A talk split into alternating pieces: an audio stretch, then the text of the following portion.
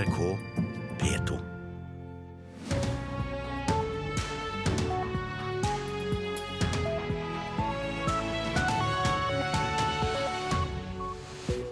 Nyhetsmorgen fortsetter med disse sakene. Svensk FN-arbeider funnet drept i Den demokratiske republikken Kongo.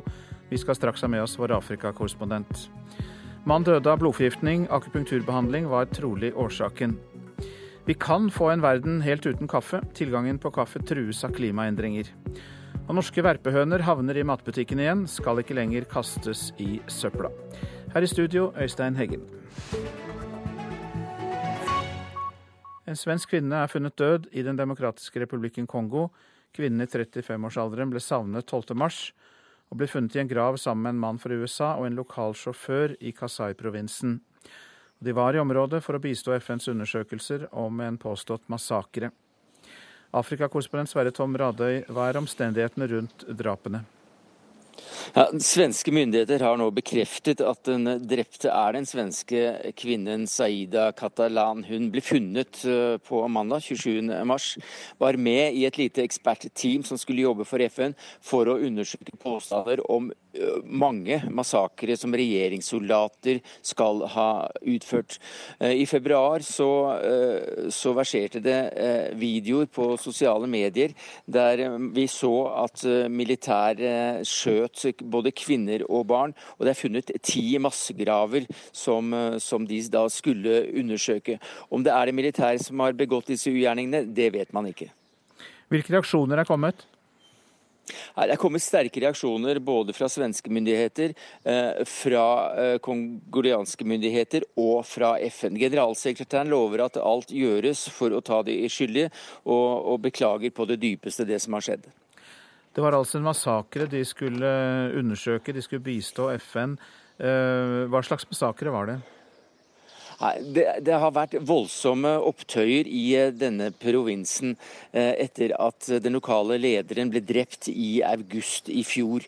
Eh, en milits er etablert, mye med håndlagde våpen.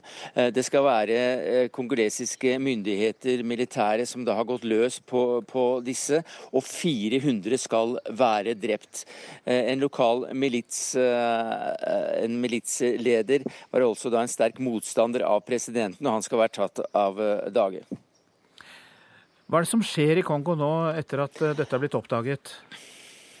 Nei, Det som skjer eh, i dag, helt uavhengig av det, er at FNs sikkerhetsråd faktisk eh, i dag skal eh, vurdere om mandatet for FN-soldatene skal forlenges. Det er den dyreste eh, FN-operasjonen når det gjelder FN-soldater. Koster 10 milliarder i året, nesten 20 000 mann.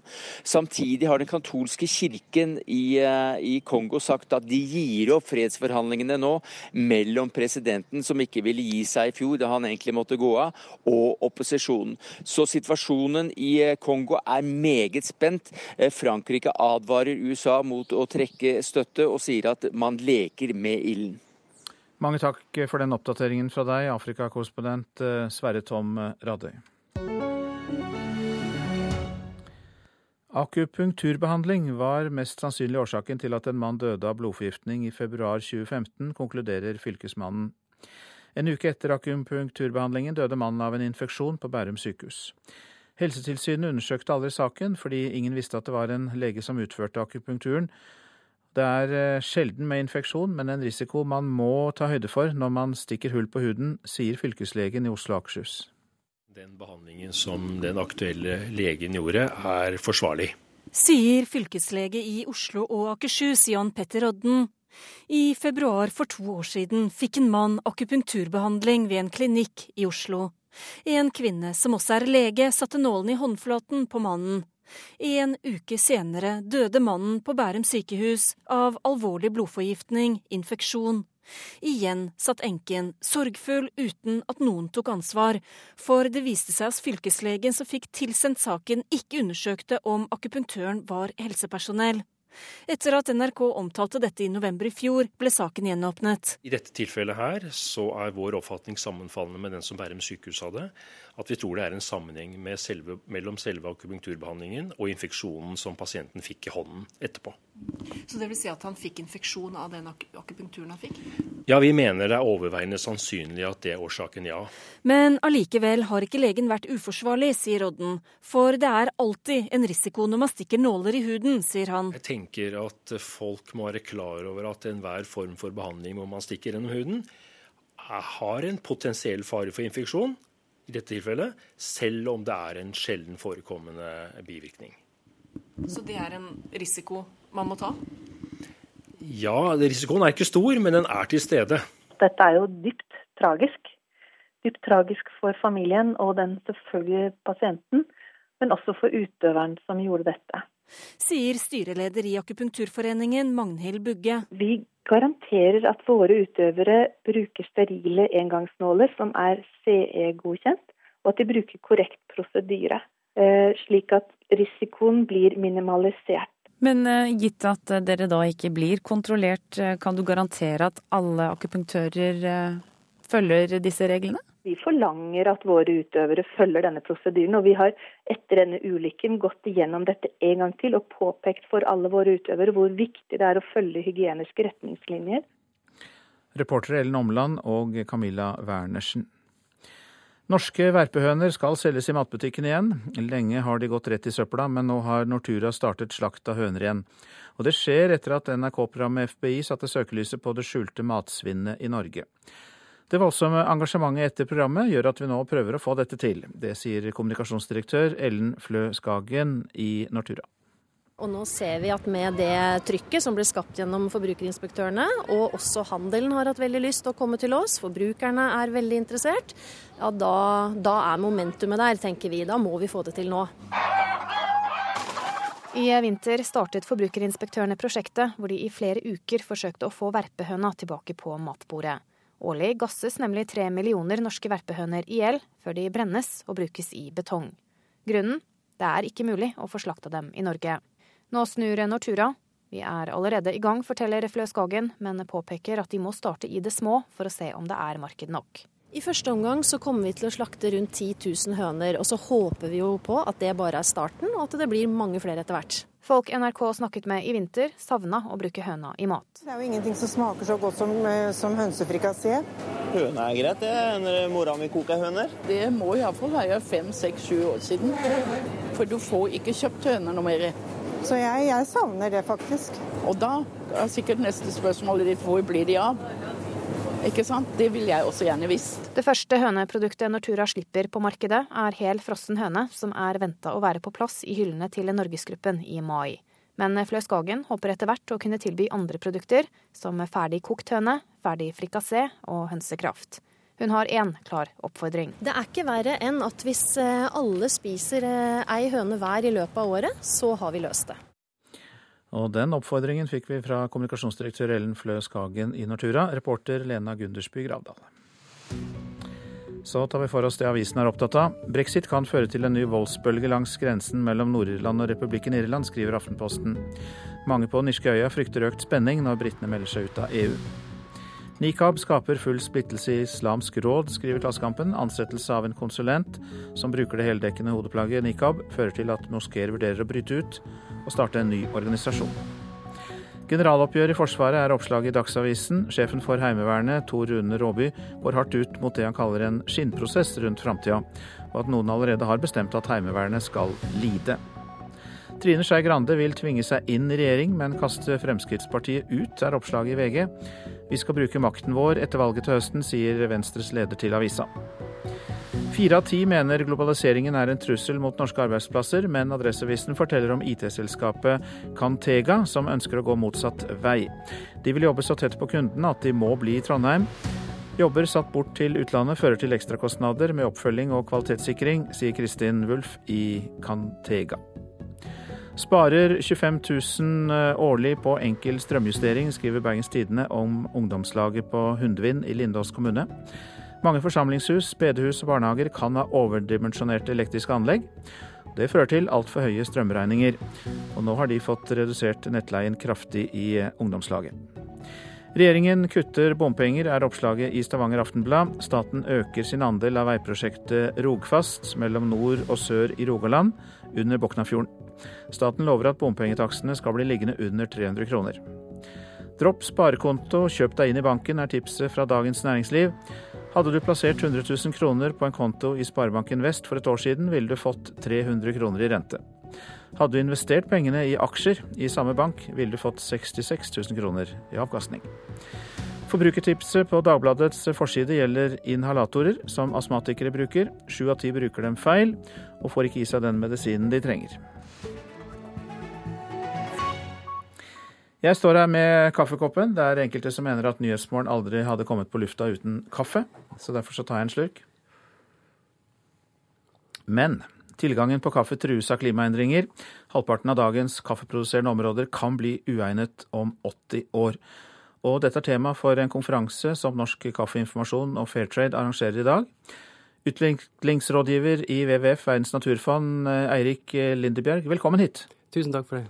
Du skal holde innlegg på den konferansen. Og hvorfor trues eh, verdens kaffeproduksjon? Det er flere grunner til at klimaendringene truer kaffeproduksjonen. Én eh, ting er temperaturen i seg sjøl. Kaffebuskene tåler veldig dårlige temperaturer over 30 grader. Så er det nedbør. Eh, det blir mindre med nedbør i disse områdene. Og på toppen av dette så kommer det økt fare for sykdommer, sopp og infeksjoner på kaffeplantene. Hvordan tror man dette vil utvikle seg i verste fall? Det vi vet ganske sikkert, er at det blir, vil bli produsert mindre kaffe. Um, og mindre kaffeproduksjon sam, sammen med en etterspørsel som helt sikkert vil øke, vil føre til at den kaffekoppen du og jeg sitter med her nå, vil garantert bli dyrere.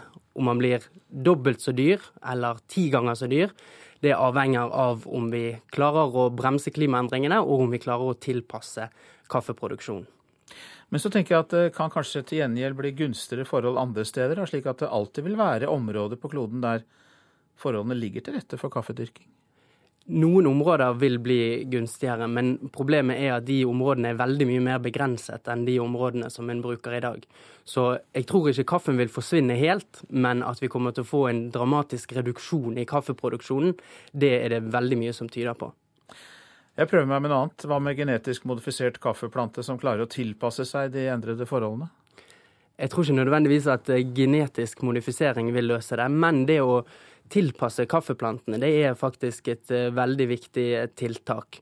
Og er noe som en må investere mer og mer i, nemlig å dyrke frem nye sorter kaffe som tåler varme og tåler tørke bedre enn dagens varianter. Hva mener dere i WWF at uh, vi må gjøre, da? Jobb nummer én for uh, oss som er kaffedrikkere? Jobb nummer én er å stoppe klimaendringene og få ned norske utslipp. Men direkte i forhold til kaffedrikkingen, så tror jeg at vi forbrukere, vi som er glad i kaffe, bør kjøpe en type kaffe, miljøsertifisert kaffe, økologisk kaffe, fair trade-kaffe f.eks som gir bøndene litt mer inntekt, nemlig nok til å investere i og tilpasse kaffeproduksjonen til et nytt klima. Og hva gjør eh, kaffeimportørene, kaffeprodusentene? De står jo bl.a. bak denne konferansen i dag. Hva er det de gjør for å redde kaffebøndene og de som dyrker kaffe? Jeg tror eh, kaffeimportørene i Norge egentlig i større og større grad fremover vil måtte eh, investere direkte i Eh, klimatilpasning hos kaffebøndene. Det gjøres nok i for liten grad i dag, men en kan tenke seg at en går inn og finansierer programmer for bedre vanning, dyrking av nye kaffesorter, eh, og stoppe avskoging og plante skyggetrær for å gi skygge til kaffeplantene. Dette var eh, kaffe, men er det også andre viktige råvarer vi er blitt vant til som er truet av klimaendringer, Eirik Lindeberg?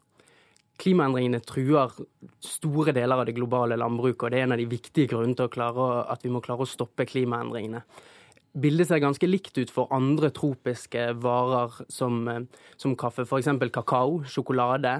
Eh, tåler kanskje varme bedre enn kaffe, men, men tåler ikke tørke. Eh, I tillegg bananer, appelsiner, eh, nøtter osv. Te eh, er alle varer der en har sett allerede at en har store utfordringer med klimaendringene. Takk for at du kom hit. Tusen takk for det. Og lykke til med foredraget i dag, Eirik Lindebjerg, som altså skal holde innlegg om uh, kaffen som kan bli borte. Utviklingsrådgiver i WWF uh, Verdens naturfond, det er uh, din jobb. Klokka den nærmer seg 6.48, og vi har disse hovedsakene i Nyhetsmorgen.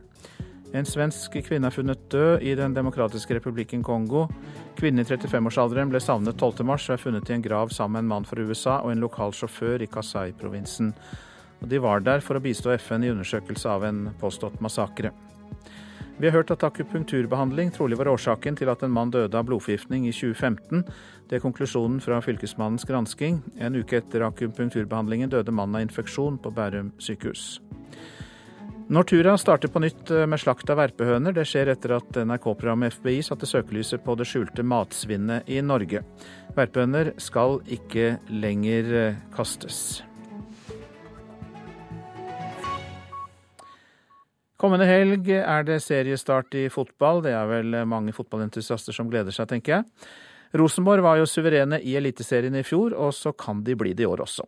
Samtlige kapteiner, nemlig, i Eliteserien i denne sesongen er blitt spurt, og de tror alle sammen at det er laget fra Trondheim som vinner. Hvem vinner Eliteserien? Eh, det blir nok Rosenborg.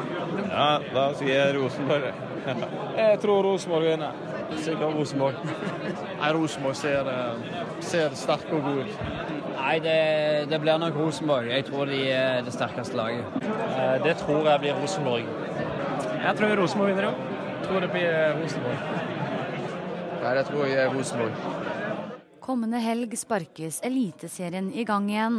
Samtlige kapteiner NRK har snakket med tror det nok en gang er Rosenborg som tar seriegullet. Molde-kaptein Ruben Gabrielsen går så langt som å si at det er en skandale om ikke trønderne vinner. Nei, eh, det er jo det er skandale hvis ikke Rosenborg tar det. Enkelt og greit. Se på hvem som har signert. da. Nå har jeg henta alle de beste spillerne fra Tippeligaen. Plukka der, og så henta den Bentley. Det er ikke noe mye mer å si enn det. Jeg tror de fleste er enige. Rosenborg-kaptein Mike Jensen mener også at laget fra Trondheim må finne seg i å være storfavoritter nok en gang. Vinner Rosenborg Eliteserien i år? Ja. Det er en skandale hvis dere ikke vinner. Det sa Moldes kaptein. Er du enig i det? Nei, jeg vet ikke med skandale om det er det helt riktige ord. Det, det er ikke sånn uh, Det er ikke passende, men det er uh, Vi er store favoritter. Reportere Jørund Wessel Karlsen og Ida Høydalen. Solistene på operaen er i opprør fordi den påtroppende operasjefen ikke vil videreføre faste ansettelser, men heller inngå åremålskontrakter. Men man må forberede seg på at færre og færre kommer til å være fast ansatt i arbeidslivet, særlig kreative yrker. Det mener eksperter på arbeidslivsområdet.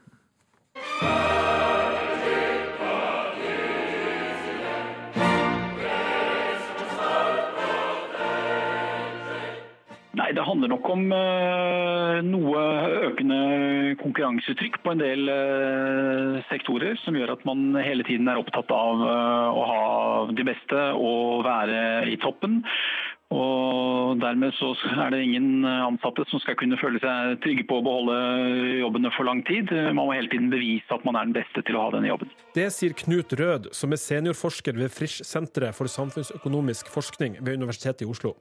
Han tror at man i framtida vil måtte forholde seg til hardere konkurranse i enkelte deler av arbeidslivet, og at man hele tida må bevise at man er den beste til å ha jobben. Som NRK fortalte på mandag, så frykter operasolistene ved Den norske opera og ballett en framtid uten faste jobber og pensjonsrettigheter. Også Preben Karlsen, som er daglig leder i kommunikasjonsbyrået Trigger, spår at arbeidslivet går i retning av flere løse fugler. I hvert fall drevet fra arbeidsgiversiden tror jeg at kreative yrker er mer utsatt, fordi man ser at man kan trekke inn de mer på prosjektbasis. Han viser til at i USA utgjør frilanserne hele 34% av arbeidsstyrken, og det her kommer også til Norge. Særlig i Oslo, hvor det spretter opp såkalte co-working spaces over en lav sko. Han legger vekt på at mange setter pris på å være mer fri i arbeidslivet. Unge mennesker i dag ser ikke samme behovet for fast tilhørighet og trygghet som, som, tidligere generasjoner. Man ønsker i større grad å utfolde sitt eget talent, og velger arbeidsgivere som passer til seg selv. Men det her er ikke fritt fram for arbeidsgiverne, sier forsker Knut Rød. I utgangspunktet så er jo bruken av midlertidige kontrakter regulert i, i loven, og det er adgang da til å bruke midlertidige stillinger i bestemte situasjoner, og også åremålskontrakter. Men det er klart at dette er jo også i stor grad et tema for avtaler mellom arbeidstakere og arbeidsgiver. og Spesielt i store institusjoner som Operaen, så vil jeg jo tro at, at dette må være tema i, i diskusjonene mellom de ansatte og, og, og ledelsen. Henrik Engelsviken, som er tillitsvalgt ved Operaen, er ikke til å rikke. Altså, Man må forholde seg til norsk arbeidsmiljølov, og norsk arbeidsmiljølov er klar på at stillinger av den typen vi har, er ikke mulig å ha øh, som midlertidig ansettelse. Den uh, forutsetter at folk skal kunne forvente å ha uh, faste stillinger med en pensjon livet ut. Det er ikke noe ekstraordinært, det er ikke noe enorme krav fra vår side. Vi ønsker bare å beholde det som for de fleste andre til nå i hvert fall har vært en selvfølge.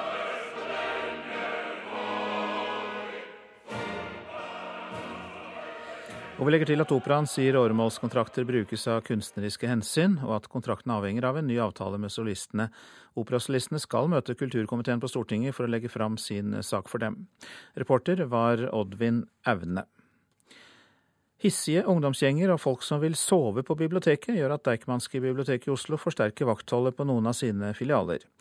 På Majorstua f.eks. hender det at folk legger seg til å sove i bibliotekets selvbetjente periode tidlig om morgenen. Klokka er sju blank idet Halstein Hansen taster inn koden for å komme inn på biblioteket på Majorstua. Han har et eget adgangskort som gjør at han kan benytte seg av såkalt meråpent bibliotek, altså at han kommer inn utenom vanlig åpningstid. Det, det er et flott tilbud.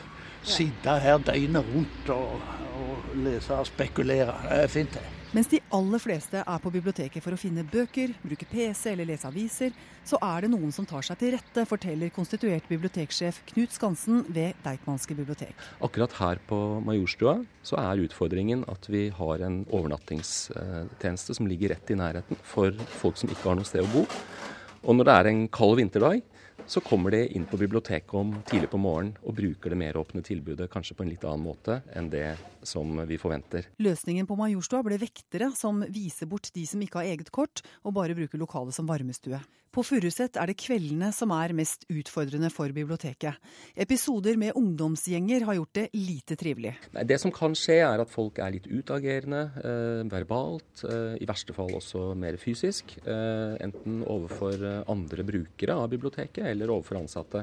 I de tilfellene som vi ser alvorlig på, som jeg må understreke at er veldig få, så, så, setter vi inn de tiltakene vi må. Flere frivillige voksne i lokalet skal ha løst situasjonen på Furuset. Tilbudet med meråpnet biblioteket startet for to år siden, og ifølge Deichmanske biblioteks egne undersøkelser er det en kjempesuksess. I fjor var besøkstallet det høyeste noensinne, med 2,5 millioner besøkende totalt for alle filialene. Og det er de med selvbetjening utenom vanlig åpningstid som gjør det aller best, sier Knut Skansen. Og søndag har blitt nå den store nye bibliotekdagen, hvor det da ikke er noe betjening til stede, men hvor altså det, som f.eks. på Tøyen, er opptil 1000 mennesker innom i løpet av dagen. Hei. Tilbake på Majorstua møter jeg Tom Sankoto, en canadier med opprinnelse i Kongo. Han har overnattet i Røde Kors-huset rett ved. De stenger klokka sju, og Sankoto snek seg inn i biblioteket da noen andre med kort gikk inn døra denne morgenen.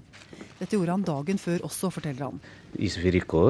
Det er kaldt, sier Sankoto når jeg spør hvorfor han er der. Nå har vekteren gitt beskjed om at han må ut, siden han ikke har eget kort. Okay, this is from Danmark. I have a card from Sankoto er ikke blid. Han viser fram bibliotekkortene han har både fra Sverige og Danmark. Nordmenn er ikke særlig snille, mener han. Det kreves personnummer for å få adgangskort i den selvbetjente tiden, og det har ikke canadieren, som sier han er på gjennomreise. Biblioteket må ta reaksjoner fra brukerne alvorlig, sier den konstituerte sjefen for Deichman. Og noen er plaget av at det er folk der som ikke har noe på biblioteket å gjøre. Likevel 90% av publikum er fornøyde med det meråpne tilbudet. Eh, tilbakemeldingene vi får fra folk er jo at folk nesten er tårevårt rørt over at man gir dem tillit til å bruke det offentlige rommet helt um, uten at vi er til stede. Og det var Else Karine Archer som hadde laget denne reportasjen. Kommunal- og moderniseringsdepartementet politianmelder ledelsen i stiftelsen Romanifolket, Taternes kulturfond, pga. mistanke om underslag, bedrageri og korrupsjon, melder Finansavisen. Fondet ble opprettet i 2004 som kollektiv oppreisning for overgrep og skulle gi penger til kulturformål. I februar ble tre av fire styremedlemmer i fondet avsatt av Stiftelsestilsynet etter en ny og kritisk revisjonsrapport. Advokaten til stiftelsen mener det ikke er grunnlag for politianmeldelse. Så tar vi for oss værvarselet og fjellet i Sør-Norge først. Litt snø av og til, men oppholdsvær fra i ettermiddag og perioder med sol i nord. Østlandet, Telemark og Agder litt sludd eller snø av og til. Regn i lavereliggende områder. For ettermiddagen oppholdsvær og etter hvert litt sol på Østlandet og Telemark. Rogaland og Hordaland litt yr eller regn. Snø i høyereliggende strøk. Fra ettermiddagen opphold. Sogn og Fjordane ved Stad nordøst stiv kuling. Oppholdsvær og for en del eh, stort sett pent vær. Møre og Romsdal først på dagen stiv nordøst kuling på kysten av Sunnmøre. Oppholdsvær og perioder med sol. Trøndelag stort sett oppholdsvær, nordlig liten kuling på kysten. Fra formiddagen minker det til bris. Sluddbyger og snøbyger etter hvert, men minkende byggeaktivitet utover dagen. Oppholdsvær til kvelden. Nordland og Troms periodevis liten nordvest kuling og snøbyger. Finnmark nordvest liten kuling, på kysten øst periodevis stiv kuling. Snøbyger, sør på vidda stort sett opphold. Og så tar vi Spitsbergen. Snøbyger langs kysten i vest, ellers opphold. Fra kvelden liten nordlig kuling utsatte steder. Temperaturer målt klokka fem i natt. Svalbard lufthavn minus 20. Kirkenes minus 8. Vardø minus 5. Alta minus 8. Tromsø-Langnes minus 5. Og Bodø minus 4. Brønnøysund og Trondheim-Værnes begge minus 3. Molde minus to. Og så dukker det opp noen eh, plussgrader nedover kysten. Bergen-Flesland eh, pluss fem. Stavanger fire. Kristiansand-Kjevik tre. Gardermoen eh, har også plussgrader, pluss to. Lillehammer én grad. Røros minus 14. Men Oslo-Blindern pluss fire.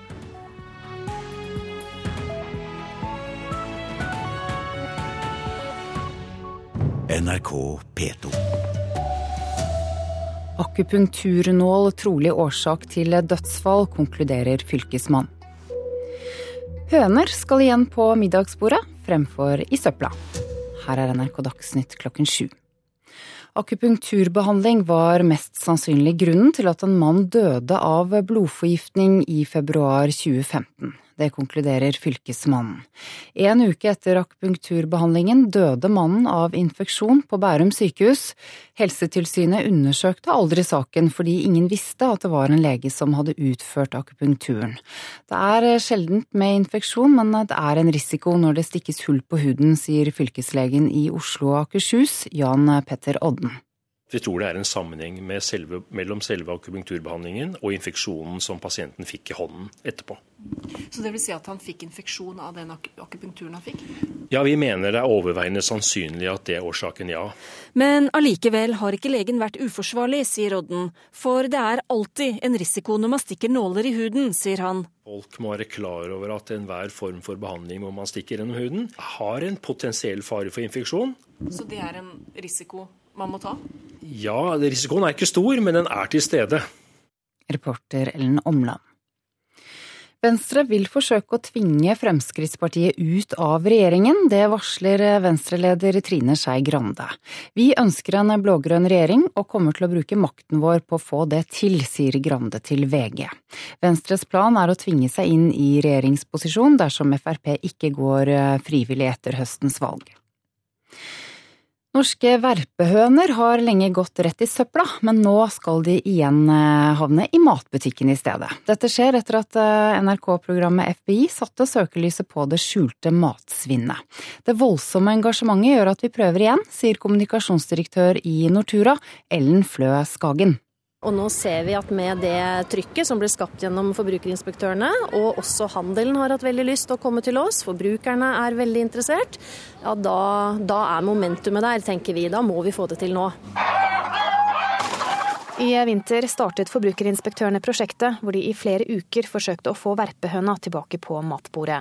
Årlig gasses nemlig tre millioner norske verpehøner i hjel før de brennes og brukes i betong. Grunnen? Det er ikke mulig å få slakta dem i Norge. Nå snur Nortura. Vi er allerede i gang, forteller Flø Skagen, men påpeker at de må starte i det små for å se om det er marked nok. I første omgang så kommer vi til å slakte rundt 10 000 høner, og så håper vi jo på at det bare er starten, og at det blir mange flere etter hvert. Det sa Ellen Flø Skagen i Nortura til reporter Lena Gundersby Gravdal. NRK Dagsnytt, Ida Creed. Hver Nyhetsmorgen fortsetter vi med disse sakene. Elev fikk ikke godkjent deltakelse på landsmøtet til Mental Helses Ungdom som gyldig fravær. Arbeiderpartiet mener reglene er for strenge. For første gang på tre år er en norsk utenriksminister på besøk i Russland, etter at forholdet mellom landene har vært spent. I dag starter brexit. Det formelle brevet om Storbritannias utmeldelse er underskrevet. Forby salg av tobakk i alle butikker og kiosker. Det er kravet fra de norske medisinerstudentenes forening. Å delta på landsmøtet i Mental Helse Ungdom kvalifiserer ikke til gyldig fravær. Det er vurderingen til fylkesutdanningssjefen i Nordland, og den vurderingen får støtte fra alle fylkeskommunene i Norge. Leder i Mental Helse Ungdom i Bodø, Nora Stemland, er overrasket. Vi syns jo det er veldig kjipt, rett og slett. Fordi at eh, organisasjonsveien er jo en veldig viktig del av den demokratiske prosessen. Eh, og det er jo vi liksom lært her på skolen, og, så det blir jo veldig sånn ja, motsettende. I de nye fraværsreglene heter det at politisk arbeid og arrangement på nasjonalt eller internasjonalt nivå i f.eks. idrett eller kultur er gyldig fravær. Stemland mener Mental Helse Ungdom driver med politisk arbeid. Dette er politisk i aller høyeste grad. I regelverket så står det ikke noe om at det politiske arbeidet bare gjelder politiske partier. Men det er jo sånn eh, Nordland fylkeskommune da har tolka det. Vi har ikke tolka denne type arbeid som, eller engasjement som en del av politisk arbeid eller eh, kultur eller idrett på nasjonalt nivå. Sier fungerende fylkesutdanningssjef i Nordland Merete Skjem. Hun nevner også eksempler på andre organisasjoner som hun heller ikke mener faller inn under såkalt dokumentert fravær. Nei, Det er jo brukt eksempler på andre typer frivillige organisasjoner, som f.eks. Røde Kors og som, eh, og som 4H, eh, for å prøve å trekke noen paralleller. Siden fraværsreglene er nye, har hun også tatt opp denne spesifikke saken til Mental Helse på et fellesmøte for alle fylkesutdanningssjefene. Vi har hatt møte med alle fylkesutdanningssjefene i landet, og eh, blir enige om at den praktiseringa som vi har gjort i Nordland, det er den praktiseringa som legges til grunn for de andre fylkeskommunene også. Det at to ungdommer i Nordland ikke kan dra på landsmøte i Mental Helse Ungdom, mens man kan få fravær for å dra på landsmøte i Unge Høyre eller på et idrettsarrangement, det tror jeg oppleves som åpenbart urettferdig for de fleste. Det sier Martin Henriksen i Arbeiderpartiet. Jeg mener at dersom man drar på den type landsomfattende eh, virksomhet som det å dra på et landsmøte i Mental Helse Ungdom, det bør omfattes av eh, de her reglene. Og det er ikke noe veldig god grunn til at man skal skille skarpt mellom det å delta på et politisk arrangement eller idrettsarrangement, eller det å være med i en frivillig eller eh, ideell organisasjon. Nå har han sendt skriftlig spørsmål til kunnskapsministeren for å få klarhet i regelverket.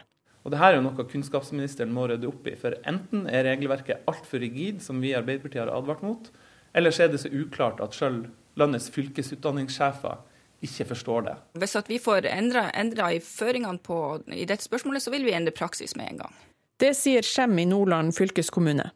Mens Stemland i Mental Helse Ungdom sier hun i egen organisasjon har opplevd at det er tilfeldig hvem som får gyldig fravær og ikke. Det er for stor åpning for tolkning. Eh, og det virker som det blir veldig tilfeldig hvem som egentlig får godkjent etter dokumentert fravær. fordi at vi kjenner jo altså, mange andre fra organisasjonen som fikk godkjent fravær for å dra på samme landsmøte, bare fra andre fylker. Vi legger til at eh, Kunnskapsdepartementet sier spørsmålet er til behandling, og at de vil svare Stortinget innen fristen. Reportere Julie Vigdal Henriksen og Eva Marie Bulai. Rahman Shodri, velkommen. Tusen takk. Påtroppende leder i Elevorganisasjonen. For å ta dere først, da. Eh, det arbeidet dere driver som tillitsvalgte, er det gyldig fravær? Det arbeidet Elevorganisasjonen driver med, det er gyldig fravær. Eh, og på lik linje med det arbeidet vi gjør, så er Mental Helse Ungdom med på å fremme dagsorden til unge mennesker som har lyst til å engasjere seg og endre samfunnet de lever i. Så jeg syns det er hårreisende at de ikke har fått gyldig fravær for å delta på det landsmøtet. Hvorfor? Fordi skolen skal danne et helt menneske, og det gjør man også ved å informere dem om påvirkningskanalene, ikke bare i samfunnsfagstimen, men i praksis. Og en av de viktigste måtene å gjøre det på, det er å organisere seg og ta aktiv del i Ungt demokrati. Og at på, delegater på Mental Helse ungdomslandsmøte ikke får godkjent fraværet sitt, det syns jeg strider med skolens formål, som er å skape samfunnsbevisste mennesker. Så her er det noen som har et veldig snevert syn på hva utdanning egentlig er. Men det kan jo gå inn under denne 10 %-grensen, altså at man driver litt planlegging og registrerer det som vanlig fravær der? Ja, altså Så lenge man får det dokumentert som gyldig fravær, så skal jo ikke det gå på den nye fraværsgrensa heller. og Det er jo det som er kjernen av problemet her. At det ikke anerkjennes som politisk arbeid. og Da lurer jeg på hvilken definisjon man egentlig har av politisk arbeid. Fordi Mental Helses Ungdom er veldig viktig for å fremme dagsorden for de som er medlemmer av den brukerorganisasjonen. Men det lurer jeg også på, for hvilken form for ideelt arbeid skal godkjennes? Det kan være flytende grenser her. altså Jobber du for en MC-klubb? Eh, er du på Frimerkesamlernes årsmøte? Et politisk parti? Hvor er det grensen går i dette farvannet her? Altså, Jeg skal ikke legge meg opp i hvor de absolutte grensene for dette arbeidet går. Det jeg reagerer på, er at man velger å ikke definere Mental Helse og Ungdomsarbeid som politisk, når de er en brukerstyrt organisasjon som jobber opp mot politiske strukturer og institusjoner. Det jeg reagerer på, er at man velger å si at fordi de f.eks. ikke er en eh, partipolitisk organisasjon, at det ikke skal gjelde som et gyldig fravær. Hvilke spørsmål er det dere har fått da i Elevorganisasjonen om eh, fraværsgrenser? Elevorganisasjonen får veldig mange spørsmål fra, eh, fra, våre elever om hva som gjelder som gyldig fravær. Eh, hvilke møter som gjelder som gyldig fravær, og hvilke organisasjoner som man kan delta på møte med for å få gyldig fravær. Og det kommer veldig tydelig frem at verken Kunnskapsdepartementet eller fylkesrådene har vært, fylkeskommunene har vært gode nok på å spre informasjon. Vi fikk et løfte om at man kunne delta politisk uten å få fravær, og det løftet er blitt brutt. Men hvis vi tar det store bildet, så viser det seg vel at de nye fraværsreglene har vært en suksess. Altså at uh, oppslutningen om skolen er mye bedre enn den var før. Og det må jo være bra både for elevene og for samfunnet? Ja, det er kjempebra at det fraværet er gått ned. Samtidig så må vi også se at frafallet, altså uh, varsler om ikke-vurdert på flere skoler, har begynt å gå opp. Det er veldig bra at flere elever har begynt å være på skolen, men det kan ikke gå på bekostning av at flere elever begynner å få ikke-vurdert og ikke kan ta vitnemål. Vi må ha et fraværssystem som funker for alle, ikke bare for de aller fleste. Takk skal du ha, Rahman Shodri, som da er påtroppende leder i eh, Elevorganisasjonen. For første gang på tre år er en norsk utenriksminister på besøk i Russland. Børge Brende møter i dag sin russiske kollega Sergej Lavrov i eh, Arkangelsk. Eh, forholdet mellom Norge og Russland har vært spent den siste tiden etter at den russiske ambassadøren eh, har gått hardt ut mot norsk sikkerhets- og forsvarspolitikk. Men eh, Brende tror ikke det kommer til å eh, prege samtalene. Korrespondent Morten Jentoft, du er i Arkangelsk for å følge konferansen som Russland kaller Arktis, et territorium for dialog. Og hva er det Brende sier om det å møte Lavrov? Han uh, sier at uh, tiden nå er moden for å uh, gjenoppta kontakten med Russland. som du sa, så har jo Børge Brende holdt seg unna som norsk utenriksminister Russland i, i mer enn tre år men har altså sagt ja da til denne invitasjonen til denne store arktiske konferansen som eh, russerne holder her i Arkangelsk i dag og i eh, morgen. Eh, dette innebærer også starten på ytterligere politiske kontakter med Russland. Det skal bl.a. være møte i denne såkalte blandede kommisjonen mellom Norge og Russland i, løpet av våren. Også flere andre politiske kontakter på relativt høyt nivå er planlagt. Sånn at Eh, forsiktig så gjenopptar man nå de politiske kontaktene mellom, eh, mellom, Norge og Russland. Selv om man altså også er eh, uenig om viktige internasjonale spørsmål som den russiske annekteringen av den ukrainske Krimhalvøya og støtten til de prorussiske separatistene øst i Ukraina. Så det Børge Brende sier, er at han da prøver å skille mellom det du påpeker der, altså den internasjonale situasjonen og Ukraina, og forholdet i Arktis og i nord for øvrig? Ja, det er det han eh, legger eh, stor vekt på. Eh, at vi må prøve å ha to tanker i hodet samtidig. Og han understreker at på en del områder så går jo forholdet mellom Norge og Russland bra. Det gjelder fiskeri, det gjelder miljøsamarbeidet i nord. Og her er det jo interessant at den russiske ambassadøren i Oslo jo gikk ganske hardt ut og sa det at Norge kan ikke på den ene siden da støtte Nato, amerikansk opprustning gjennom utplassering av amerikanske styrker i Norge. Og på den andre siden da håpe at samarbeidet på områder som fiskeri går bra. Men her sier Brende at det er ingenting i praksis da som tyder på at ikke dette samarbeidet kommer til å gå bra. Og så kommer den russiske presidenten Vladimir Putin også til Arkangelsk. Eh, ja, det gjør han. Eh, Putin han er eh, i dag på vei også opp hit til Arktis. Han skal besøke Frans Josefs land, som ligger øst for Svalbard. Russiske baser, installasjoner der. Og så kommer han da hit til Arkangelsk sannsynligvis i, i, i, kveld, og skal være til stede på konferansen her i morgen. Skal bl.a. møte den finske presidenten Sauli Ninistu her. Så uh, dette er uh, en konferanse, et område der russerne ønsker tydeligvis å markere seg, og ønsker også å, å vise at her er det mulig å samarbeide, selv om den internasjonale situasjonen er svært spent, først og fremst pga. krisen i Ukraina. Korrespondent Morten Jentoft fra Arkangelsk. Hvem skal samarbeide med hvem? Det er det evige spørsmålet i norsk politikk og tema for dagens Politiske kvarter. Lilla Sølvesvik. Absolutt. For det som virker stadig mer klart, er at dagens borgerlige samarbeid det går ut på dato 11.9.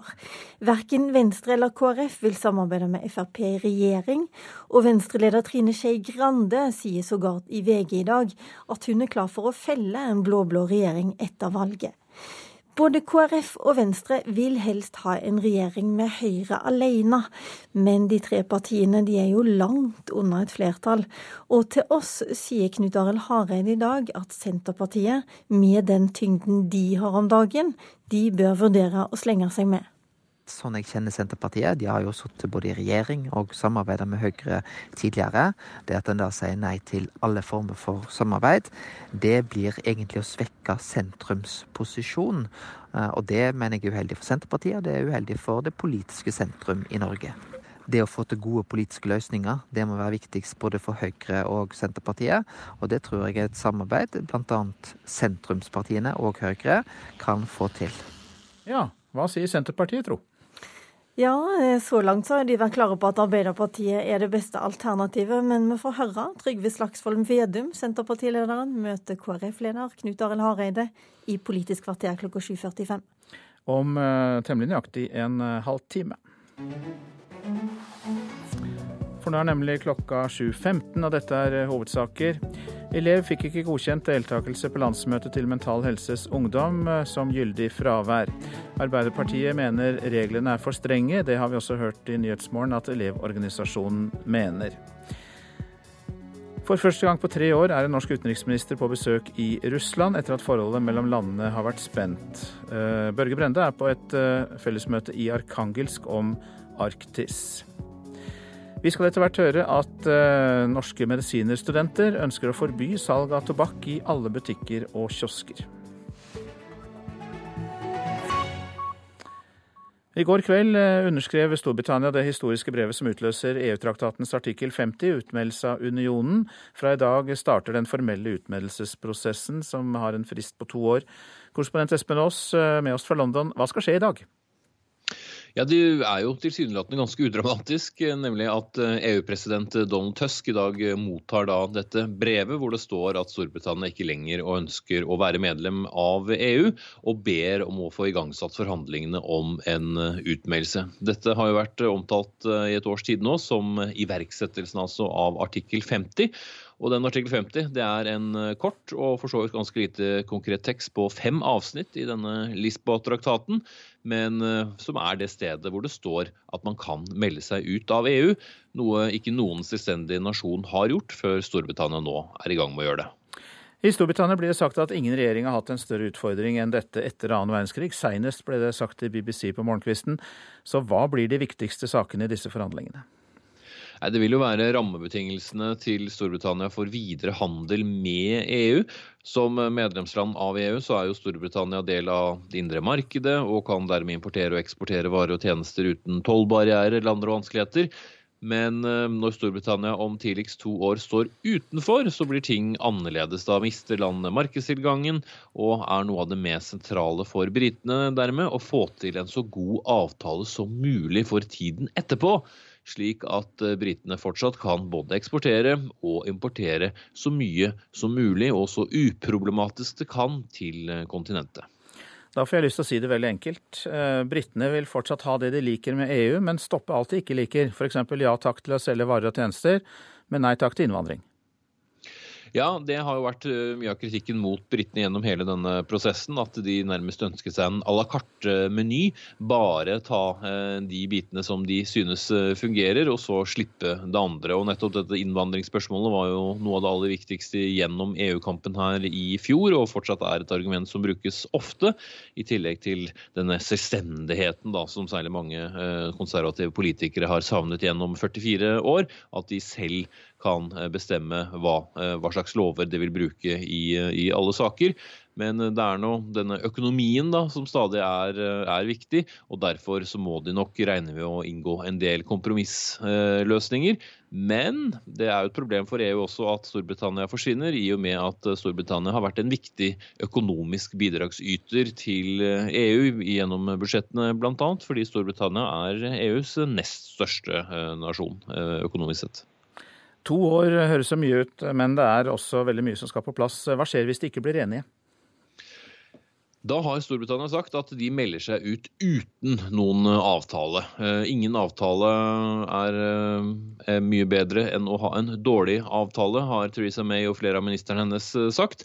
Og da er det helt grunnleggende handelsordninger som blir lagt til grunn, som er skissert opp av Verdens handelsorganisasjon, WTO. Eh, noe som jo f.eks. kommer til å bety høy toll på mange varer eh, og et langt eh, dårligere system enn det de har i dag. Artikkel 50 forutsetter jo at de skal bli enige innen to år, men det er jo knapt noen som tror at det er mulig når de skal gjennom så mange dokumenter og så mye byråkrati. Men eh, hvis de 27 gjenværende EU-landene og Storbritannia blir enige om det, så kan de fortsette utover den toårsperioden, forlenge eh, hele denne eh, fristen. Men da er Storbritannia også fortsatt EU-medlem en stund til og må forholde seg til EU-regelverk, lover og handelsbegrensninger slik det er i dag. Så begge har nok som felles interesse å gjøre dette raskest mulig, men spørsmålet er hva som er praktisk mulig. Espen Aas i London, takk skal eh, du ha. Og vi beveger oss til kontinentet. For en måned eh, før det franske presidentvalget er velgerne der. Fortsatt usikre på hvem de vil ha som president. En meningsmåling viste i forrige uke at 43% ennå ikke har bestemt seg. Og Marit Kolberg, du er utenriksmedarbeider og følger med på den franske valgkampen. Det er altså stor usikkerhet blant velgerne, det vet vi. Eh, men sentrumskandidat Emmanuel Macron ligger best an til å vinne, i hvert fall nå. Så fortell litt om hvem han er. Ja, 39 år gamle Macron er den yngste av eh, kandidatene. Han er eh, og stiller som uavhengig kandidat. Han var medlem av Sosialistpartiet og har vært næringsminister for dem, men forlot partiet og startet sin egen bevegelse, En Marche, eller Fremad som det blir på norsk, da. Han har altså da ikke noe parti eller noe skikkelig støtteapparat i ryggen, og lenge var det mange som lurte på hva slags politikk han eh, ville ønske å føre.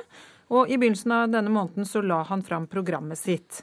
Han foreslår bl.a. å krympe nasjonalforsamlingen med en tredel. Han vil eh, forby politikere å ansette familiemedlemmer som sin assistent, slik som de kan nå. Og så er han EU-tilhenger og vil styrke eurosonen, for å nevne noe, da. Det er jo ventet eh, at Emmanuel Macron vil møte høyrepopulisten Marine Le Pen fra Nasjonal Front i den andre avgjørende runden 7. mai. Hvordan blir en eh, valgkamp mellom de to?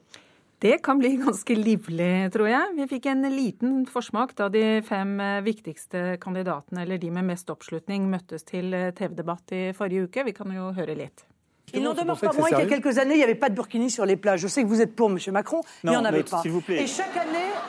Vi hørte så vidt her da også at Le Pen vil eh, fortelle Macron hva han mener. Hun sier han er tilhenger av burkinien. Og så svarte han da at det er han slett ikke, og at han dessuten fint klarer å snakke selv, og at han ikke trenger noen buktaler. I denne debatten så fikk Macron mye å svare på, men ifølge meningsmålingene så var det også han som eh, overbeviste mest. Og han og Le Pen kommer nok til å snakke mye om eh, innvandring. For mens hun vil begrense den, så sier han at han vil gå inn for en tilnærming som fremmer integrering i stedet for å gjøre det som han kaller å selge et valgkampbudskap. Eh, Macron har anklaget Le Pen for å lyve til velgerne og ved å vri på sannheten. Så vi har nok en grunn til å vente en opphetet diskusjon her når disse to skal møtes framover. Ja, og så er det en kandidat som nesten har gått litt i glemmeboken, selv om han ble heist opp som favoritten i fjor høst. Den konservative Francois Fillon har falt på målingene. Annet eh, så er han jo siktet for misbruk av offentlige midler ved å ansette sin kone og to av parets barn som assistenter. Men har han likevel mulighet til et eh, comeback? Ja, Det er ikke godt å si, for nå sent i går kveld så ble det også da kjent at nå er kona hans, Penelope, hun er også satt eh, under etterforskning og siktet i denne saken. For paret er jo da mistenkt for å ha fabrikkert falske timelister for å underbygge at hun har jobbet som hans assistent, noe som jo ikke er ulovlig, men ingen finner noe som helst spor av en innsats som, som skal ha vært millioner av kroner. Og som du sier, så falt han da fra favorittplassen og strever nå med å nå fram med budskapet sitt. Han avviser påstander om uh, ulovligheter, og problemet er jo bare at han får ikke gjort så himla mye annet i denne valgkampen enn å avvise påstander. Uh, ulovlighetene han blir uh, beskyldt for, de overskygger det meste av det politiske budskapet. Ja, men hvis han hadde vunnet, da, så ville i hvert fall franskmennene fått en presidentfrue fra Wales. Det kan vi si, men uh, om det blir uh, henne eller noen annen, det får vi nå se. Og vi har jo også lært oss uh, Øystein, at meningsmålinger er én ting, og som vi startet denne samtalen med, det er altså over 40% som ikke har bestemt seg for hvem de vil stemme på. Hjertelig takk for at du kom innom, utenriksmedarbeider Marit Kolberg. Så tar vi for oss det avisen er opptatt av her hjemme. Brexit kan føre til en eh, ny voldsbølge langs grensene mellom Nord-Irland og republikken Irland, skriver Aftenposten. Mange på den irske øya frykter økt spenning når britene melder seg ut av EU. Nikab skaper full splittelse i Islamsk råd, skriver Klassekampen. Ansettelsen av en konsulent som bruker det heldekkende hodeplagget nikab, fører til at moskeer vurderer å bryte ut og starte en ny organisasjon. Generaloppgjøret i Forsvaret er oppslaget i Dagsavisen. Sjefen for Heimevernet, Tor Rune Råby, går hardt ut mot det han kaller en skinnprosess rundt framtida, og at noen allerede har bestemt at Heimevernet skal lide. Trine Skei Grande vil tvinge seg inn i regjering, men kaste Fremskrittspartiet ut, er oppslaget i VG. Vi skal bruke makten vår etter valget til høsten, sier Venstres leder til avisa. Fire av ti mener globaliseringen er en trussel mot norske arbeidsplasser, men Adresseavisen forteller om IT-selskapet Cantegna, eller Cantega heter det, som ønsker å gå motsatt vei. De vil jobbe så tett på kundene at de må bli i Trondheim. Jobber satt bort til utlandet fører til ekstrakostnader med oppfølging og kvalitetssikring, sier Kristin Wulf i Cantega. Sparer 25 000 kroner årlig på enkel strømjustering, skriver Bergens Tidende om ungdomslaget på Hundvin i Lindås kommune. Mange forsamlingshus, bedehus og barnehager her i landet kan ha overdimensjonerte elektriske anlegg, som fører til altfor høye strømregninger. Regjeringen kutter bompenger, er oppslaget i Stavanger Aftenblad. Staten øker sin andel av veiprosjektet Rogfast mellom nord og sør i Rogaland under Boknafjorden. Staten lover at bompengetaksten skal bli liggende under 300 kroner. Dropp sparekonto, kjøp deg inn i banken, er tipset fra Dagens Næringsliv. Hadde du plassert 100 eh, 000 kroner på en konto i Sparebank Vest for et år siden, ville du fått 300 kroner i rente. Men hadde du investert pengene i aksjer i samme bank, ville du fått 66 000 kroner i avkastning. Forbrukertipset på Dagbladets forside gjelder inhalatorer som astmatikere bruker. Sju av ti bruker dem feil, og får ikke i seg den medisinen de trenger. Nå om at Norsk medisinerstudentforening vil forby salg av tobakk i butikker og kiosker. Foreningen, som består av framtidas norske leger, mener det er på høy tid at man gjør det vanskeligere å kjøpe snus og røyk, når man vet hvor negative effekter tobakk har for helsen. Men forslaget møter politisk motstand. Det går veldig mye snus, og det hadde ikke gjort meg noe om det bare var lovlig pole. I kassen på Rema 1000 selger butikkansatte Cecilie matvarer og tobakk. Hver dag forsvinner det en god del røyk og snus fra hyllene i butikken på Wergeland i Bergen. Men det vil fremtidens norske leger ha slutt på. Vi ønsker å forby eh, salg av eh, tobakk i eh, butikker og i kiosker, fordi at halvparten av de som røyker, de dør tidligere enn det de ville gjort om de ikke røykte. Og siden mindre tilgang gir mindre forbruk, så mener vi derfor at tobakk kun skal være tilgjengelig i spesialbutikker, sånn som Vinmonopolet. Det sier Eivind Valestrand, leder i Norsk medisinstudentforening. Foreningen er en underavdeling til Legeforeningen, og mener man må fjerne tobakk fra butikker og kiosker for å få færre til å snuse og røyke. Tiden er overmoden, og det er på høy tid at vi tar litt sterkere tiltak. Myndighetene er nødt til å ta et større ansvar for livsstilssykdommer som truer folkehelsen. Men forslaget møter motstand fra politisk hold. Fremskrittspartiet er ikke tilhenger av det, eh, fordi tobakk er eh, en lovlig vare i det norske markedet. Og eh, det er allerede veldig strenge reguleringer rundt salg av tobakk. Sier Morten Wold, helsepolitisk talsmann for Fremskrittspartiet. Vi mener at veien å gå da, for å nå målet om et tobakksfritt samfunn handler om fortsatt uh, at vi må jobbe med informasjonskampanjer, og at vi har innført standardiserte tobakkspakninger. Vi tror mer på det enn på å putte dette inn i en monopolordning. Det sier Tone Wilhelmsen Trøen, som sitter i helse- og omsorgskomiteen for Høyre. I Kreftforeningen er de mer positive, men pressesjef Erik Vigander ser for seg en litt annen løsning. Vi må se på de salgskanalene vi har i dag, og så må vi regulere bruken eh, enda bedre. Og Da mener vi at eh, en tilsynsordning med sanksjonsmuligheter for å begrense salg av røyk og snus til mindreårige, det er også en vei å gå. Reporter var Ingvild Fjeltveit. Det er Arild Svalbjørg som er produsent for Nyhetsmorgen i dag. Her i studio, Øystein Heggen. En ung journalist på jobb i Tyskland etter annen verdenskrig skrev en dagbok som nå legges ut på auksjon. Hør mer om John F. Kennedys dagbok i reportasjen etter Dagsnytt. Og så er det Politisk kvarter kvart på åtte. Der skal Knut Arild Hareide og Trygve Slagsvold Vedum diskutere sine partiers mulige veivalg etter høstens valg.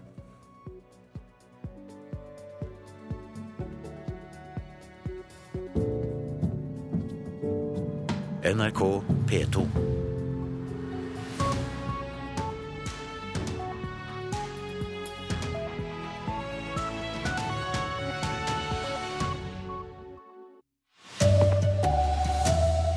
En svensk FN-etterforsker skulle granske en massakre i Kongo, ble selv funnet i massegrav. Mann døde av blodforgiftning. Akupunktur var trolig årsaken, konkluderer fylkesmannen. Verpehøner har lenge gått rett i søpla. Nå havner de igjen på norske middagsbord. Høne er greit, det når mora mi koker høner. God morgen, her er NRK Dagsnytt klokken 7.30. Både FN og det svenske utenriksdepartementet bekrefter at en kvinne som ble funnet drept i Kongo, er den svenske FN-granskeren Saida Catalan. Hun var i Kongo for å hjelpe til med etterforskningen av en massakre. Nå er hun og to andre som jobbet for FN funnet døde i en massegrav. Afrikakorrespondent Sverre Tom Radøy, hva er det som har skjedd?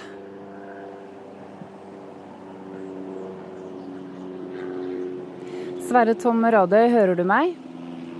Nei, De var der altså for å undersøke påstander om omfattende massakre. Jeg hører deg, hører du meg? Ett, to, hallo? Ja, vi hører deg. Det er bare en veldig stor forsinkelse. Hallo, hallo. Fortell om igjen, Sverre Tom. Hva er det som har skjedd? Ja.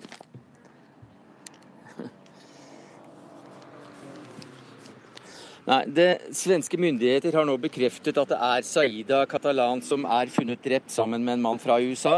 Eh, de to var i et team for å etterforske omfattende massakre i denne svært eh, voldelige provinsen.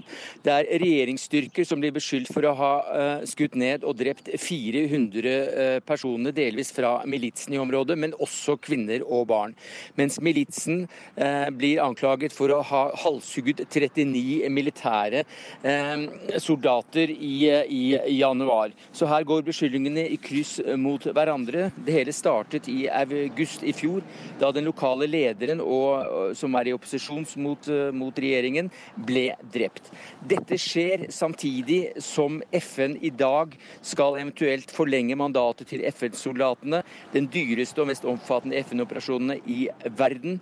Og samtidig som den katolske kirken sier at den ikke lenger vil forhandle mellom regjeringen og opposisjonen. Så det er meget, meget spent i Den demokratiske republikken Kongo disse dagene. Takk til deg, Afrikakorrespondent Sverre Tom Radøy.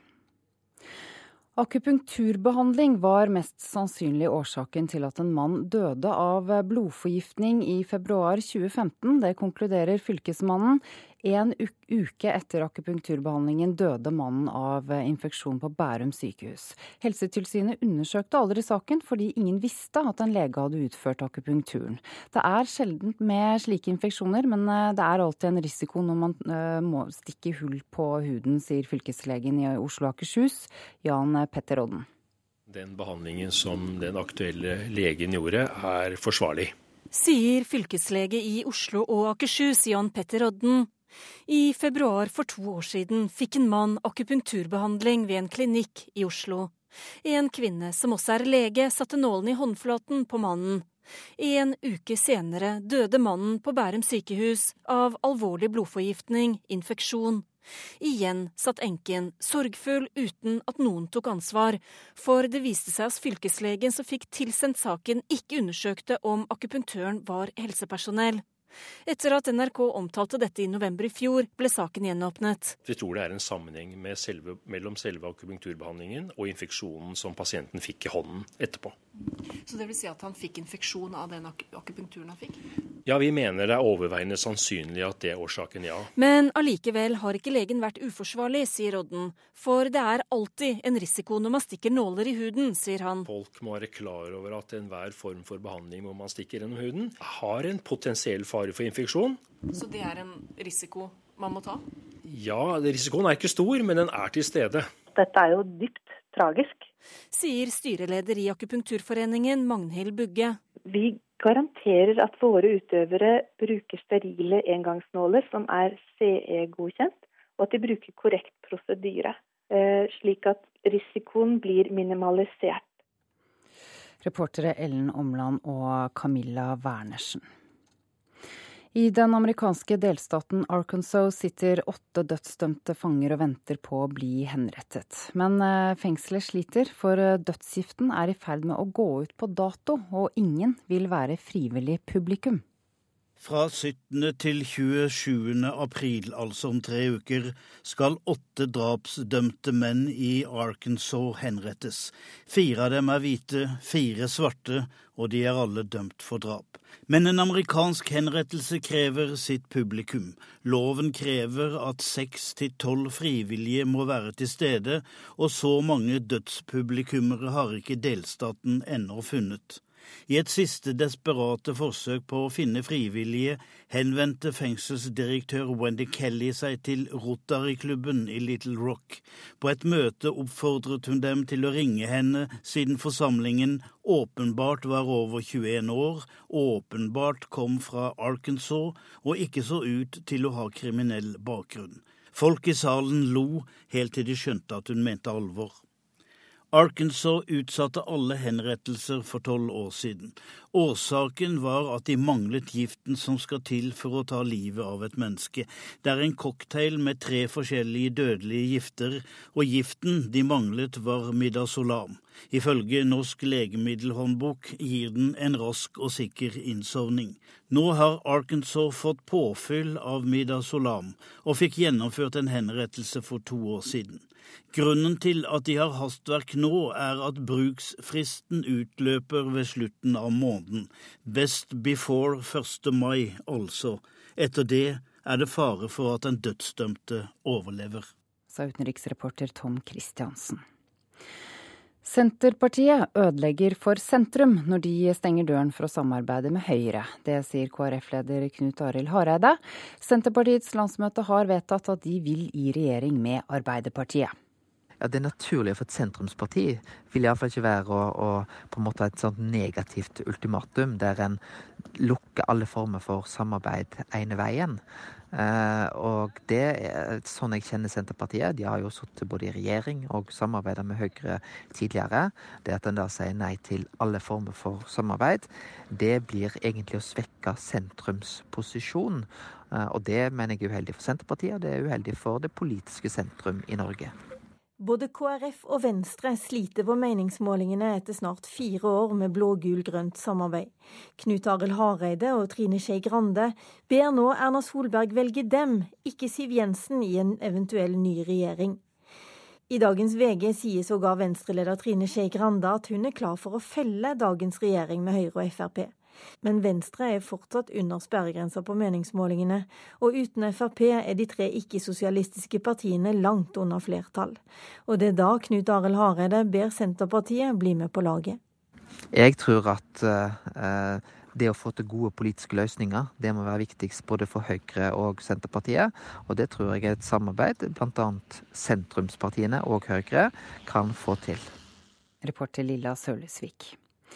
Norske verpehøner har lenge gått rett i søpla, men nå havner de igjen i matbutikken. Dette skjer etter at NRK satte søkelyset på det skjulte matsvinnet i Norge. Ellen Flø Skagen er kommunikasjonsdirektør i Nortura. Og nå ser vi at med det trykket som ble skapt gjennom forbrukerinspektørene, og også handelen har hatt veldig lyst til å komme til oss, forbrukerne er veldig interessert, ja da, da er momentumet der, tenker vi. Da må vi få det til nå. I vinter startet forbrukerinspektørene prosjektet hvor de i flere uker forsøkte å få verpehøna tilbake på matbordet. Årlig gasses nemlig tre millioner norske verpehøner i hjel før de brennes og brukes i betong. Grunnen? Det er ikke mulig å få slakta dem i Norge. Nå snur Nortura. Vi er allerede i gang, forteller Flø Skagen, men påpeker at de må starte i det små for å se om det er marked nok. I første omgang så kommer vi til å slakte rundt 10 000 høner. Og så håper vi jo på at det bare er starten, og at det blir mange flere etter hvert. Folk NRK snakket med i vinter, savna å bruke høna i mat. Det er jo ingenting som smaker så godt som, eh, som hønsefrikassé. Høna er greit, det. Når mora mi koker høner. Det må iallfall være fem, seks, sju år siden. For du får ikke kjøpt høner noe mer. Så jeg, jeg savner det faktisk. Og da er sikkert neste spørsmål ditt hvor blir de av? Ikke sant? Det vil jeg også gjerne visst. Det første høneproduktet Nortura slipper på markedet, er hel frossen høne, som er venta å være på plass i hyllene til Norgesgruppen i mai. Men Fløy Skagen håper etter hvert å kunne tilby andre produkter, som ferdig kokt høne, ferdig frikassé og hønsekraft. Reporter Lena Gundersby Gravdal. Denne sendingen ble klekket ut av Arne Fossland. Den som brukte nebbet, var Ida Creed.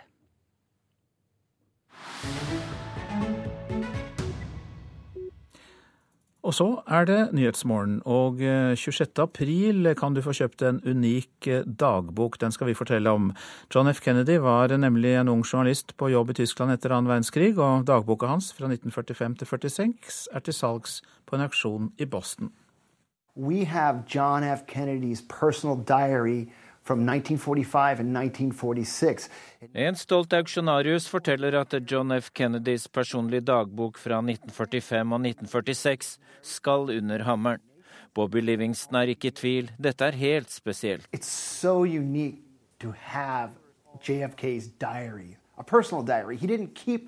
like Det er unikt fordi Kennedy vanligvis ikke brukte dagbok.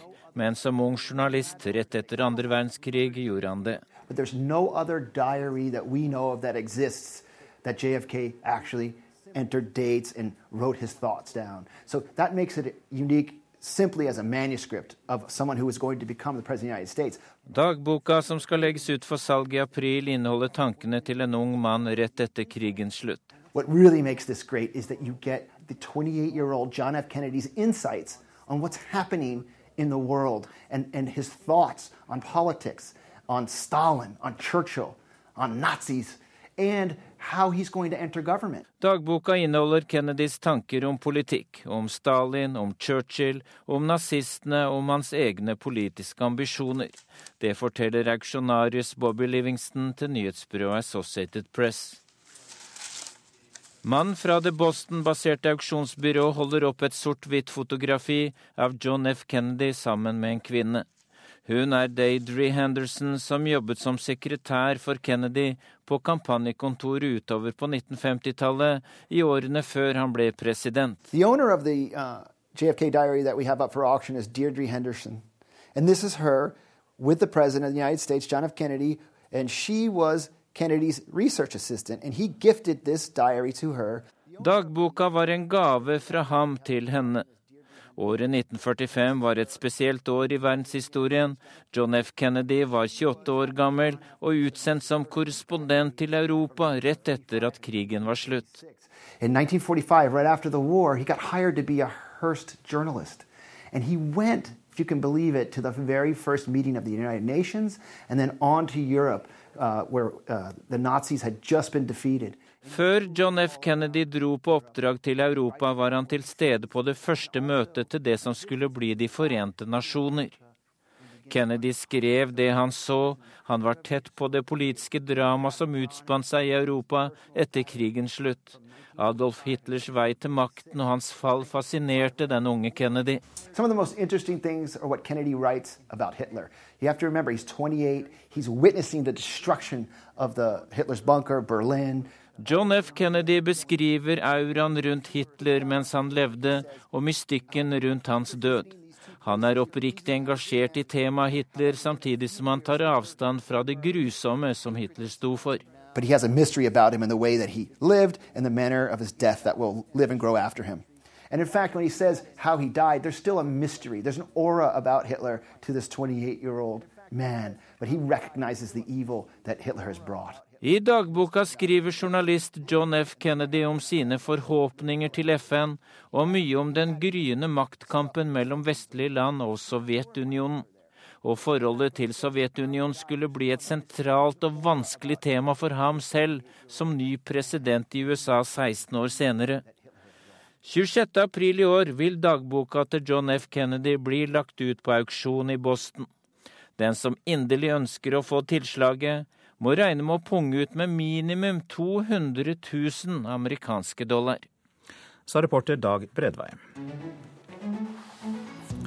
Dette er våre hovedsaker. Både FN og det svenske utenriksdepartementet bekrefter at en kvinne som ble funnet drept i Kongo, er den svenske FN-granskeren Saida Catalan.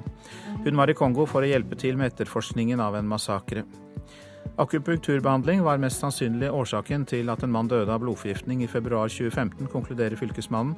En uke etter akupunkturbehandlingen døde mannen av infeksjon på Bærum sykehus. Verpehøner skal igjen bli mat. Lenge har hønene blitt gasset i hjel og brukt i produksjon av sement, men etter NRK satte søkelys på matsvinn, skal Nortura igjen begynne å slakte verpehøns for salg.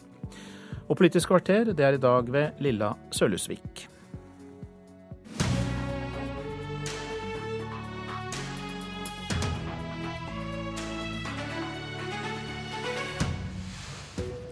Begge vil de ha mer makt i sentrum, og Senterpartiet vil gjerne ha med KrF over til de røde.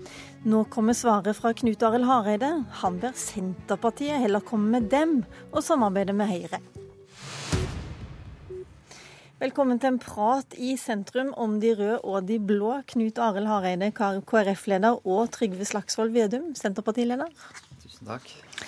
Den siste lørdagen før valget i 2013 så gikk tre borgerlige damer og en ikke-sosialistisk partileder opp Karl Johan og lot seg avbilde som det klare alternativet til de rød-grønne.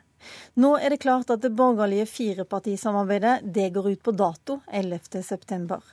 Verken Venstre eller KrF vil samarbeide med Frp, og i VG i dag sier Trine Skei Grande at hun er klar til å bruke makta si til å felle en regjering der Frp er med. Men uten Frp er det ikke noe flertall. Langt unna et flertall, faktisk, for det alternativet du helst vil ha, Knut Arild Hareide. Og da lurer jeg på, er det derfor du nå ber Senterpartiet vurdere å bytte side? Ja, Det er ikke tvil om at eh, med den størrelsen Senterpartiet har nå, så vil det gi tyngde til en sentrum-høyre-regjering. Eh, grunnen til at vi fire gikk opp eh, Karl Johan eh, den lørdagen før valget, var jo fordi vi ønsket nettopp å sette oppmerksomheten rundt rusomsorga, og det gjorde vi sammen. Men i 2013 så hadde vi ei flertallsregjering, ei rød-grønn flertallsregjering, som Senterpartiet var en del av. Og de gikk jo til valg, eh, vil jeg si naturlig nok, med fortsatt rød-grønt flertall og ny flertallsregjering. Og tilbudet KrF fikk den gang av de rød-grønne, var jo eh, å sitte på tribunen. Og det takker vi høflig nei til. Vi ønsker politisk innflytelse. Og litt av målet mitt er jo at vi ikke skal komme i samme situasjon som vi gjorde i 2013. For det er jo litt rart at nettopp skillet i norsk politikk skal gå mellom KrF og Senterpartiet. Og Hva slags interesse skal Senterpartiet ha for å komme deg til unnsetning, for å ikke sette oss på sidelinja? Si ja, Det er jo politikk. Det er politisk innflytelse. Jeg tror det er viktig for Trygve Slagsvold Vedum at han ikke får fire nye år uten innflytelse. Og det er jo ting som knytter bl.a. KrF og Senterpartiet sammen. Eh, viktige verdispørsmål, kampen mot sorteringssamfunnet, eggdonasjon, familiespørsmål, kontantstøtte. Den type spørsmål. Så ser vi at Senterpartiet KrF er enige. Og det partiet vi har mest felles med i den type spørsmål, det er Høyre. så har jo ikke jeg fått med meg den argumentasjonen som, som Senterpartiet har brukt i viktige saker for de, så innenfor sykehus, eh, innenfor politireform, eh, skattekontor som er blitt lagt ned, langtidsplan for Forsvaret. Men i alle de sakene jeg nevner nå, så er jo Høyre enige med Arbeiderpartiet. Altså, og da er utfordringen både for Trygve og meg i den type saker, er jo at vi får sentrum sterkest mulig, sånn at vi kan påvirke. Ok, La oss ta den argumentasjonen. Trygve Slagsvold Vedum, dere er et maktparti. Dere er vel alltid i regjering. Det er det man vet mest om Senterpartiet. Og Hvis det da blir sånn at de rød-grønne ikke får flertall, kan du da vurdere å gå inn og samarbeide med Hareide og sikre en sentrum-høyre-regjering? Vi har ett uh, klart mål, og det er å få fjerna den sentraliseringsregjeringa vi nå ser. Uh, fordi vi er så uenige i den retningen de tar uh, Norge, og de verdiene de bygger Norge på. Og med dagens Høyre og Frp så er det helt uaktuelt for oss å bidra til at de skal ha fortsatt makt etter høstens valg. Så der er vi helt tydelige, og det er i vår klare interesse at vi nå skal få en annen politisk kurs. Og da har vi også vært tydelige på at vi ønsker en Senterparti-Arbeiderparti-basert regjering. Og da er Høyre like uaktuelle som Frp? Altså når du ser hvordan Høyre har operert i regjering, hvordan Jan Tore Sanner har brukt den gamle embetsmannsstaten til å tvinge gjennom sin vilje mot kommune etter kommune rundt omkring i hele landet, denne enorme sentraliseringspolitikken Erna Solberg har stått i spissen for, så kan ikke vi bidra til at de skal få makt framover. For vi ønsker en politikk som ser hele Norge. Og vi ønsker en politikk der vi får mindre forskjeller mellom folk, ikke større forskjeller. Og da, okay. Så vi er ikke så opptatt av hva partiene heter, vi er opptatt av politikkens innhold og de verdiene, og vi er så uenige i den kursen. Og så skjønner jeg at det er vanskelig for Venstre og KrF, men de valgte helt åpenhet sjøl å sette Fremskrittspartiet og Høyre inn i de her kontorene. Og på så mange viktige, tradisjonelle sentrumssaker, bl.a. i oss i hele landet, så har denne regjeringa tatt Norge i helt feil retning. Så jeg forstår at eh, KrF er litt i ikke fullt så sterk i troen har litt mer tvil rundt samarbeidsspørsmål. Så det skal jeg ha forståelse for, men jeg håper at de tviler litt lenger. Hva sier du, Hareide? Det var en ganske kontant avvisning. Altså, jeg, jeg vet jo hva Senterpartiet har lagt. Eh, og så er det sånn at KrF ønsker òg en ny regjering. Og alternativet, tror jeg, det er jo ikke den blå-blå regjeringa som vi har i dag. Vi ønsker en regjering som består av sentrumspartiene og Høyre. Det mener jeg er der vi vil få mest gjennomslag. Så hører jo jeg hva uh, Trygve Slagsvold Vedum sier.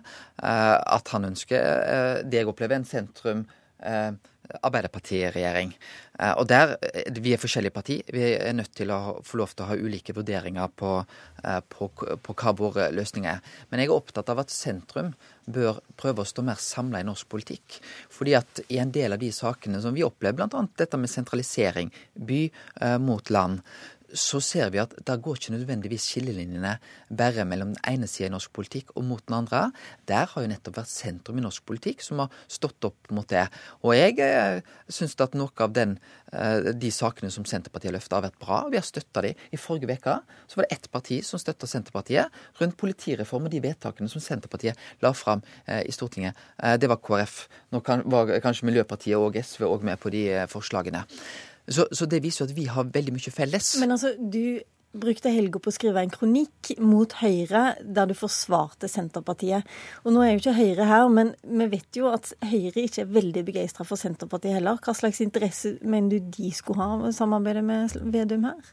Ja, Det er jo fordi at f.eks. For i de sakene jeg nevner, viktige verdispørsmål, så er det jo noe felles. Eh, mellom både Høyre og eh, Senterpartiet. Det virker bare ikke sånn at verken Høyre eller Senterpartiet har lyst til å se det akkurat nå.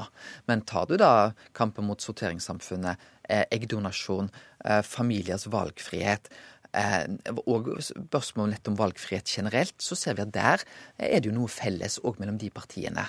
Og det er en grunn for bl.a. Willoch-regjeringa, Syse-regjeringa og det fellesgrunnlaget som, som var der. Ser du ikke dette, Vedum? Selvfølgelig er det sånn at man er uenig og enig med partiet litt på kryss og tvers. Men det vi har vært opptatt av, er jo hva, hvilken hovedkurs er det man tar Norge. Og vi er grunnleggende bekymra når Norge blir et land med større forskjeller både sosialt, altså økonomiske forskjeller, og geografisk. For vi tror det er en oppskrift på et dårligere land og mer konflikter eh, over tid. Og så tror vi på nærhet der dagens regjering tror på stordrift i absolutt alle eh, samfunnsreformer. For vi tror at det skaper et kaldere samfunn, ikke et varmere samfunn. Og det er jo det som når vi gjør vår analyse, så er det pga. våre verdier og hva vi tror er klokt for Norge. Ikke det her politiske spillet som det blir veldig mye snakk om inn mot, et valg. Og da har vi konkludert med at med dagens ledelse i Høyre, med den kursen de legger, så ser ikke vi at det er noe naturlig at vi skal ha noen form for regjeringssamarbeid. For vi, vi, er rett og slett grunnleggende uenige om samfunnskursen. Mens vi tror på hele Norge, så tror de bare på deler av Norge, og er mer opptatt av hva EU mener enn hva det norske folk mener. Men nå har vi snakka litt om uklarhet på borgerlig side, hva som er alternativet. Men det er ikke veldig klart på rød-grønn side heller, eh, Vedum. Er det sånn at du vil bruke tida nå på å prøve å overtale Hareide til å komme over på de sida? Vi kommer til å bruke tida til å få fram våre saker, våre verdier. Og så er det velgerne som avgjør. Det er ikke Knut Arild Hareide eller Trygve Slagsvold Vedum som avgjør det valget her. Det er det velgerne som gjør. Og da må vi si hva vi mener er rett for Norge. Uh, og så har vi vært tydelige over tid uh, at vi ønsker en Senterparti-Arbeiderparti-basert regjering. For vi mener at det er der vi har størst mulighet til fordeling. Se hele Norge. Sikre eierskapet til naturressursene.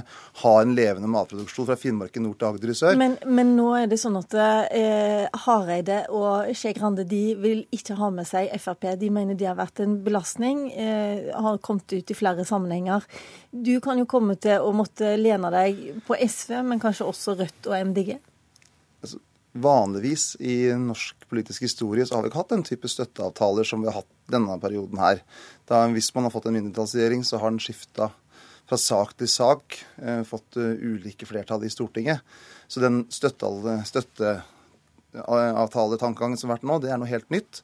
Og vi har vært tydelige på det over tid, at vi mener at det ikke er en naturlig samarbeidsform framover. Og da kan det være en mindretallsregjering som får skiftende flertall. Men kan du avvise at du kan, du kan gå inn i en regjering som er basert på støtte fra Rødt og MDG? Nei, vi avviser ingenting, vi. Det vi er opptatt av, det er bare vår politikk, politikkens innhold. Og hvis vi klarer å få til politikk der vi utjevner forskjeller, ser hele Norge, sikrer eierskap til naturressursene, eh, så er det det som er vårt mål. Og da mener vi at det er størst mulighet eh, for å få til det i en Senterparti-Arbeiderparti-basert regjering.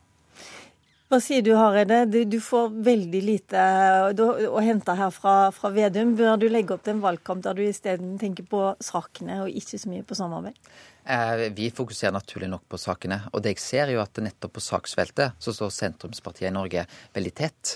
Eh, er det noen som er opptatt av å se hele Norge, så er det jo sentrumspartiet. Og så nemlig til sak etter sak, så ser vi de store partiene har jo gått i lag og bl.a. sikre den sentraliseringa eh, i flere reformer som, som, jeg har nevnt tidligere. Det jeg opplever er at Senterpartiet må få lov til å ta sitt valg, og vi tar òg vårt valg. Vi sier sentrum, Høyre er vårt eh, regjeringsvalg. Så har jo det som jeg syns har vært synd i norsk politikk eh, de siste nå 16 åra, er jo at ikke Senterpartiet og KrF har samarbeida. Eh, sånn var det Bondevik II, eh, sånn var det Stoltenberg II, og sånn har det nå vært under Solberg-regjeringa. Jeg mener det er en fordel med et samla sentrum. Da står vi sterkere. Og vi må selvfølgelig få lov til å legge fram det som er vår regjeringsalternativ. Men vil du si det samme til Venstre? Venstre har jo også øh, knytta seg veldig tett til Høyre. De har jo ikke åpna i det hele tatt for å samarbeide med Arbeiderpartiet. Ja, jeg ønsker å si det samme til, til, til, Venstre. Nettopp det å sikre samarbeid i sentrum er viktig. Så må vi selvfølgelig legge fram våre samarbeidsvedtak. Der eh, løfter vi fram det vi går for. Og så er jo den type vedtak opptatt av at vi òg skal ha For det velgerne skal si sitt. Og da må ikke vi knytte opp den type vedtak som gjør at vi ikke har mulighet til å få til et samla sentrum etter valget. Trine Skei Grande har gjort en avklaring i dag. Sist gang eh, for fire år siden så sa hun at borgerlig flertall gir borgerlig regjering uansett. Nå sier hun at eh, hun er villig til å felle en regjering med Høyre og Frp. Vil du si det samme? Altså I 2013 så sa jo både Venstre og KrF det at eh, et skifte burde gi en ny regjering samme hva. Det var jo bl.a. fordi de rød-grønne sa at ikke de ville ha noe med Venstre og KrF å gjøre. De ville ha en fortsatt okay, flertallsregjering. Men hva med deg og Frp? Er du også villig til å ja, felle en eh, regjering med Frp? Eh, I, I, vårt samarbeidsvedtak i 2013 så sa vi at eh, det var lite sannsynlig med en regjering med fire parti. Nå avviser vi det fullt ut. Så vi har tatt et tydeligere vedtak i 2017 enn vi gjorde i 2013. Det betyr at du kan felle en Frp-regjering? Ja, vi Dersom de ikke går av automatisk? Vi kommer til å utfordre Erna Solberg. Det blir det viktigste vi kommer til å gjøre etter valget i 2017. Du svarer ikke Så, på spørsmålet mitt nå. Nei, jeg gjør ikke det. Nei. Fordi at jeg ønsker å gi den valgmuligheten til Erna Solberg. Eh, og det er kanskje den største forskjellen på Senterpartiet og KrF i dag. Vi ser noe ulikt på Erna Solberg. Eh, jeg opplever at hun på mange måter har ledet landet på en veldig god måte. Jeg er ikke enig med henne alt i det politiske, men hennes evne til å lede og det hun har gjort, det mener jeg i all hovedsak har vært veldig bra. Og Det er kanskje den største forskjellen på, på Senterpartiet og KrF akkurat i dag. Jeg er litt usikker på hvor langt vi kom her nå, men i hvert fall skal vi sette en strek der. Takk skal dere ha.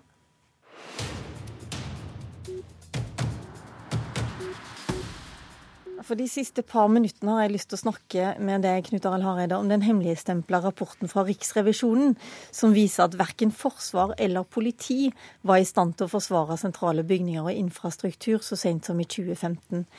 Regjeringen har holdt den rapporten hemmelig, bare Stortingets kontrollkomité har fått lov å lese.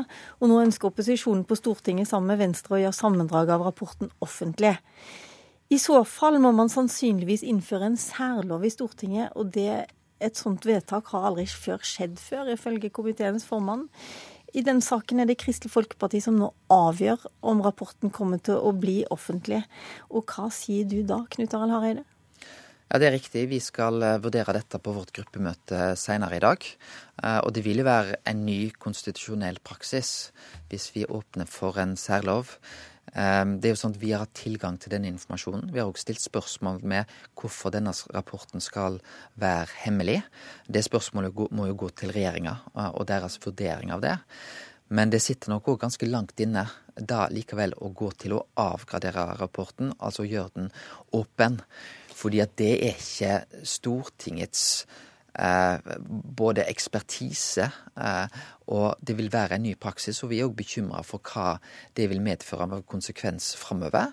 Hvis vi får en praksis der hemmeligstempla rapporter, som regjeringa mener bør være hemmeligstempla, blir avgradert og nedgradert av Stortinget. Men riksrevisoren sier at det virker nå som om eh, regjeringen bruker sikkerhetsloven på en måte som er mer tjenlig til å forsvare departementets forsømmelser enn å forsvare det som gjelder rikets sikkerhet. Ja, altså Det er jo det vi må vurdere. eh, For det er klart at Stortinget sitter på alvorlig informasjon. Eh, Og så må vi vurdere hva mulighet vi har til å opplyse det eh, uten eventuelt å avgradere rapporten. Så det er jo den vurderingen vi må gjøre. Eh, Vi skal gjøre vurderingen senere i dag. Ja, jeg er noe skeptisk òg fordi at det vil være en ny praksis og en ny konstitusjonell praksis.